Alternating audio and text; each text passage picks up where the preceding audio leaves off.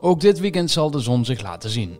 We mogen dan niet naar het park of naar het strand, maar in je eigen tuin of op je balkon is het ook prima toeven. Pak er eh, bijvoorbeeld eens een keer een boek bij. Dat ene boek dat je nog altijd wilde lezen. Daar heb je nu tijd voor.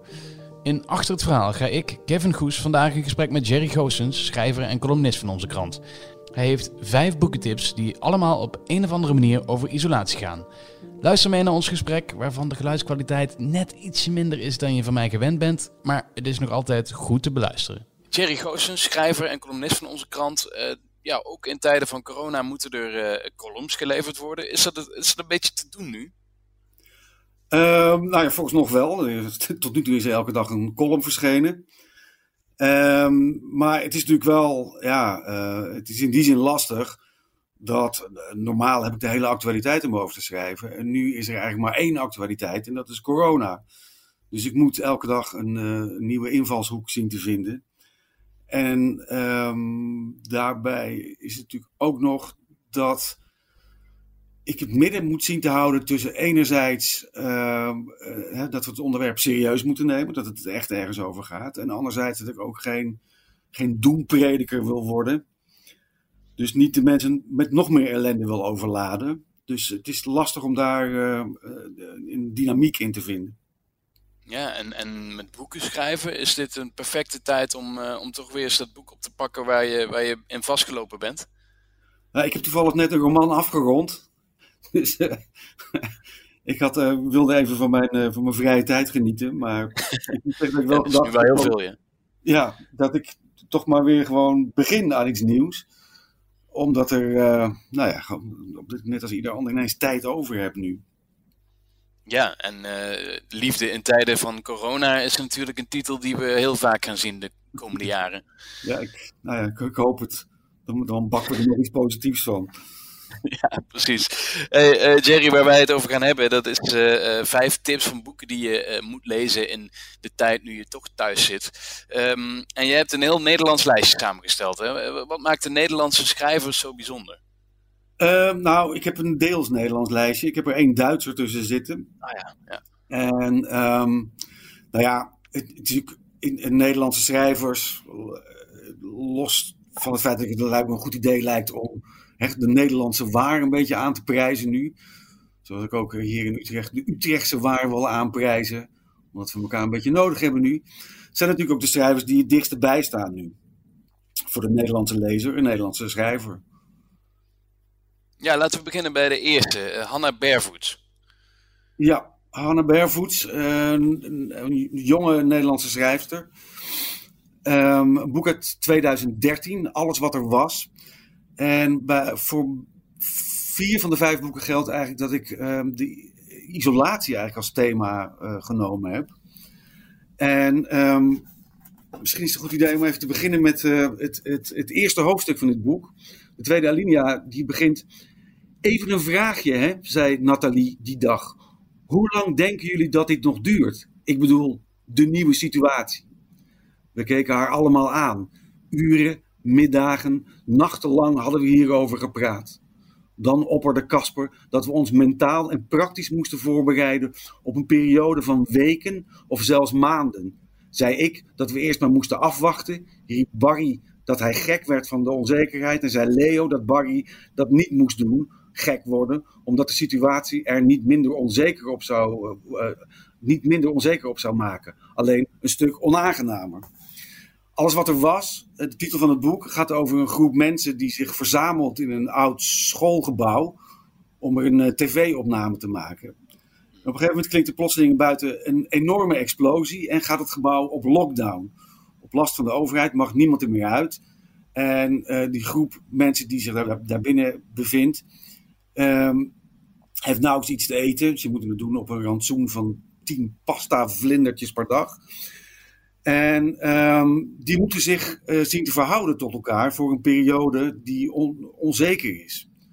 Um, ja, uh, het is een, um, een, beklemmend boek. Uh, het wordt aan de loop van de tijd wordt het steeds grimmiger. Het is eigenlijk een soort Nederlandse Lord of the Flies-achtig verhaal. En ja, op, op, een wonderlijke manier sluit het aan bij wat we nu met z'n allen beleven. Ja, een, een, een, iets ander begin, maar de situatie is natuurlijk vergelijkbaar dan. Ja, ja zeker. En ook, nou ja, de, dat fragment wat ik net voorlas, dat is natuurlijk ook waar we nu mee zitten. Dat we eigenlijk niet weten hoe lang dit allemaal gaat duren en wat er aan het eind van de rit, uh, wat we daar nog zullen aantreffen. Ja, um, de tweede die jij uh, gekozen hebt, dat is inderdaad die Duitse schrijver Thomas Mann. Ja. Welk boek daarvan uh, raad jij aan? Dat is De Toverberg een van de grote klassiekers uit de, de Europese literatuur. En um, dat gaat over een, um, een, een jonge man, Hans Kastorp, die um, zijn neef gaat bezoeken in een sanatorium in Davos, in Zwitserland, bovenop de berg.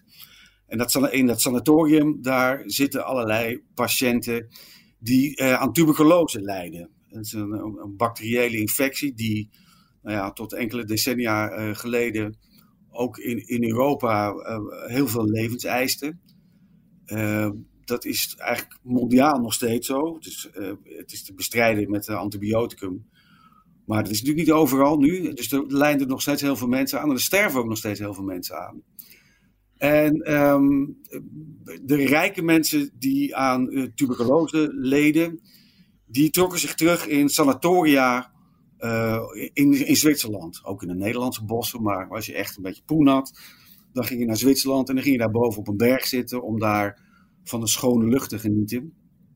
En uh, in dit boek, is bijna duizend pagina's lang, uh, volgen we dus die jonge Hans Kastorp, terwijl hij daar zit. Hij wilde in eerste instantie wil hij, zich drie weken daar terugtrekken om zijn neef te bezoeken. Maar hij wordt verliefd op een vrouw daar en zit er uiteindelijk zeven jaar.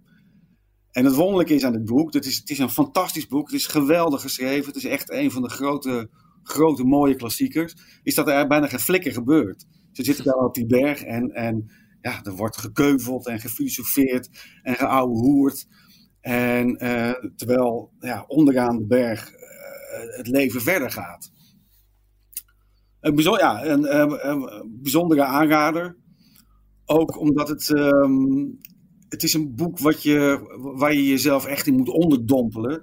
Het is niet iets wat je s'avonds uh, voor het slapen gaan nog even een kwartiertje leest. Omdat je dan gewoon de draad kwijtraakt. Je moet er echt even flink in. En nou ja, daar hebben we nu dan de, de tijd voor. Nu op het balkon of in de tuin kun je daar prima even een dagje uh, in verzinken. Zeker. Als je nou in de, in de tuin gaat liggen, in het zonnetje, in de kou, dan, heb je ongeveer dezelfde omstandigheden als uh, Hans Kastorp. Ja. Volgende boek wat jij aanraadt is van uh, Manon Uphoff. Dus ook weer een Nederlandse schrijfster. Ja, een Nederlandse schrijfster, Utrechtse schrijfster. Um, nou ja, al een aantal, groot aantal uh, mooie boeken geschreven, maar haar meesterstuk uh, verscheen vorig jaar, Vallen als vliegen.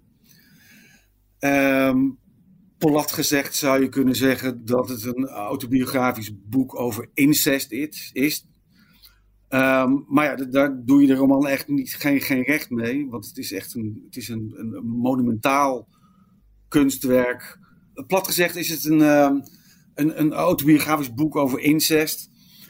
Um, maar dat doet de roman, nou ja, dat doet de roman geen recht. Het is namelijk, het is een, een, beeldschoon, beklemmend uh, boek waarin uh, ja, een taal weet te vinden voor het onzegbare. Um, het, is geen, geen, het is in die zin geen slachtofferboek. Het is niet wat je verwacht. Het woord incest valt ook eigenlijk maar één keer en dan ook nog in ironische zin. Um, maar je kunt je in het boek verplaatsen in het kind wat dat meemaakt. En uh, Manon of weet er een taal voor te vinden die aan, aan sprookjes en, en, en mythologieën raakt. Waardoor het een soort, ja, een soort koortsige opiumdroom wordt, waar tussen zinnetjes verstopt zitten die echt, echt mokerhard aankomen. Het is een, een, een, een ja, om te zeggen dat het een mooi boek is, dat is eh, misschien niet de juiste term, maar het is wel, eh, het is denk ik een van de beste uh, romans ooit geschreven in Nederland. En, en absoluut een, een aanrader nu.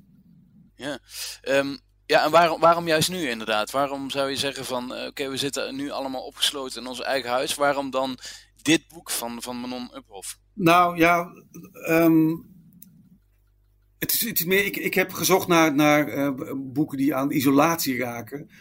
En in vallen als vliegen, ehm, daar zien we dat, dat kind. En ehm, dat kind is helemaal alleen en kan dit verhaal aan niemand vertellen.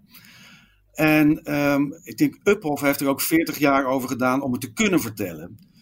Dus die, die isolatie, ja, uh, misschien is het te veel hoor. Je kan ook zeggen van je, je moet uh, escapisme zoeken op momenten als deze. Maar het, het raakt zo aan wat we nu meemaken met z'n allen. ja, dat ik het een passend boek vond. Ja, wel uh, benieuwd uh, naar dit boek, naar, naar wat jij hierover vertelt. Uh, de volgende, Jeroen Brouwers, heb jij op het ijs staan. Ja, weer hetzelfde verhaal eigenlijk. Um, tenminste, niet, het gaat niet over incest, maar het is weer iemand die geïsoleerd is. En ditmaal in zijn eigen hoofd. Jeroen Brouwers is natuurlijk een van de, van de, ja, de, de, de reuzen van de Nederlandse literatuur. Hij is bijna 80. Uh, er wordt overal gesuggereerd dat dit wel eens zijn laatste boek zou kunnen zijn, omdat hij uh, van broze gezondheid is. Uh, maar het is opnieuw een, een, een, een briljant boek. Um, we volgen hierin de hoofdpersoon, de cliënt E. Busken. Is een aan een rolstoel gekluisterde man die in een, ja, psychiatrische inrichting zit. En ogenschijnlijk is hij doofstom.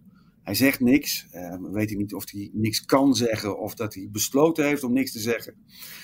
Maar um, hij, hij, hij, ja, hij zit uh, vastgesnoerd in zijn, in zijn rolstoel en bekijkt. Um, oh, wacht even.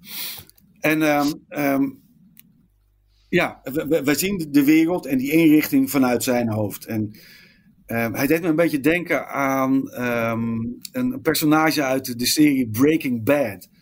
Daar, um, uh, daar, uh, daar zit een, uh, een, een, Mexicaanse maffiabaas, een kartelbaas, Hector Salamanca, die zit ook in een rolstoel.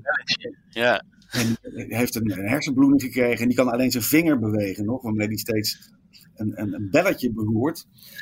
En dat, die man is ook een soort vat vol woede. En deze E. Busken uit Jeroen Brouwers uh, boek is zo'nzelfde, ja, zo'n zo, zo, een, boze man. Die uh, de, de, wereld om zich heen ja, woedend in, zich opneemt. En nou, er is in het Nederlandse taalgebied niemand die zo eloquent kan kankeren als Jeroen Brouwer. En nou ja, dat, dat maakt het aangrijpend, maar tegelijkertijd ook humoristisch. En uh, tussen de regels door lezen we de, de ja, toch wat treurige geschiedenis van deze Busken. En we zien hem langzaam wegdrijven ook um, ja, in gekte. Uh, hij verliest zichzelf. Maar uh, het is Brouwers op zijn allerbest weer. Ja. En ook weer een, een geïsoleerd mens. Ja, van, uh, van ja, een beetje het, het, kankeren, zoals je zegt. Dan gaan we eigenlijk naar iemand die meestal wel wat vrolijker schrijft. Ik weet niet of het in dit boek ook zo is hoor. Maar Ronald Giphart met alle tijd. Ja, zeker. Um, nou, na alle ellende die we hiervoor gehad hebben, um, dacht ik dat het misschien toch ook uh, mooi was om te besluiten met een boek waarin het inderdaad allemaal wat, wat uh, vrolijker aan toe gaat en wat vriendelijker. Um, Alle tijd is eigenlijk een, een, het is een rijke, breed opgezette roman over wat ik de romantische vriendschap zou willen noemen. Het is niet, we, volgen zes studenten die uh, samen een brouwerij opzetten. En we volgen hen in de loop van de decennia en hoe hun vriendschap zich ontwikkelt. Uh, nou ja, dat gaat. Uh, er komen huwelijken aan te pas, en baby's en sterfgevallen. En um, nou ja, als je het leest, je voelt je bijna deel uitmaken van die vriendengroep. En nou ja, op momenten als deze, hè, zoals we in afzondering zitten, ik heb gelukkig mijn eigen familie en mijn eigen vrienden. Um, maar voor mensen die in afzondering zitten, zou het heerlijk kunnen zijn om zich onder te dompelen in die vriendschap die Giphart hier met, met, met verven beschrijft. Het is denk een van zijn, ja, een van zijn mooiste, een van zijn vriendelijkste boeken. En uh, nou ja, misschien wel een, uh, een, vorm van troost in deze tijd. Je zei net op het begin al, uh, jouw nieuwe roman is afgerond. wanneer ja. kunnen we die lezen? dat wordt september waarschijnlijk. Als we weer, als het goed is, weer vrolijk buiten kunnen zitten. Ja, ik mag het hopen. Ja. In een park en met de nieuwe Jerry Goossens erbij. Ja. Laten we het hopen. Jerry, dankjewel hè. Jerry Goossens was dat en ook tijdens de coronacrisis is zijn column dagelijks te lezen in onze krant. Dit was Achter het Verhaal voor dit weekend. Maandag ben ik er weer met een nieuwe aflevering. Veel leesplezier.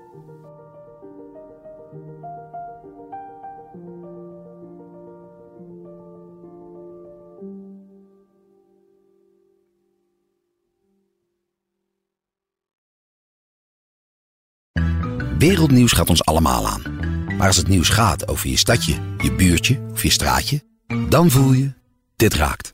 Daarom lees je in het AD alles over het nieuws in de wereld, Nederland en jouw regio. Download nu de AD-app en mis nooit wat voor jou belangrijk is. AD, altijd dichtbij.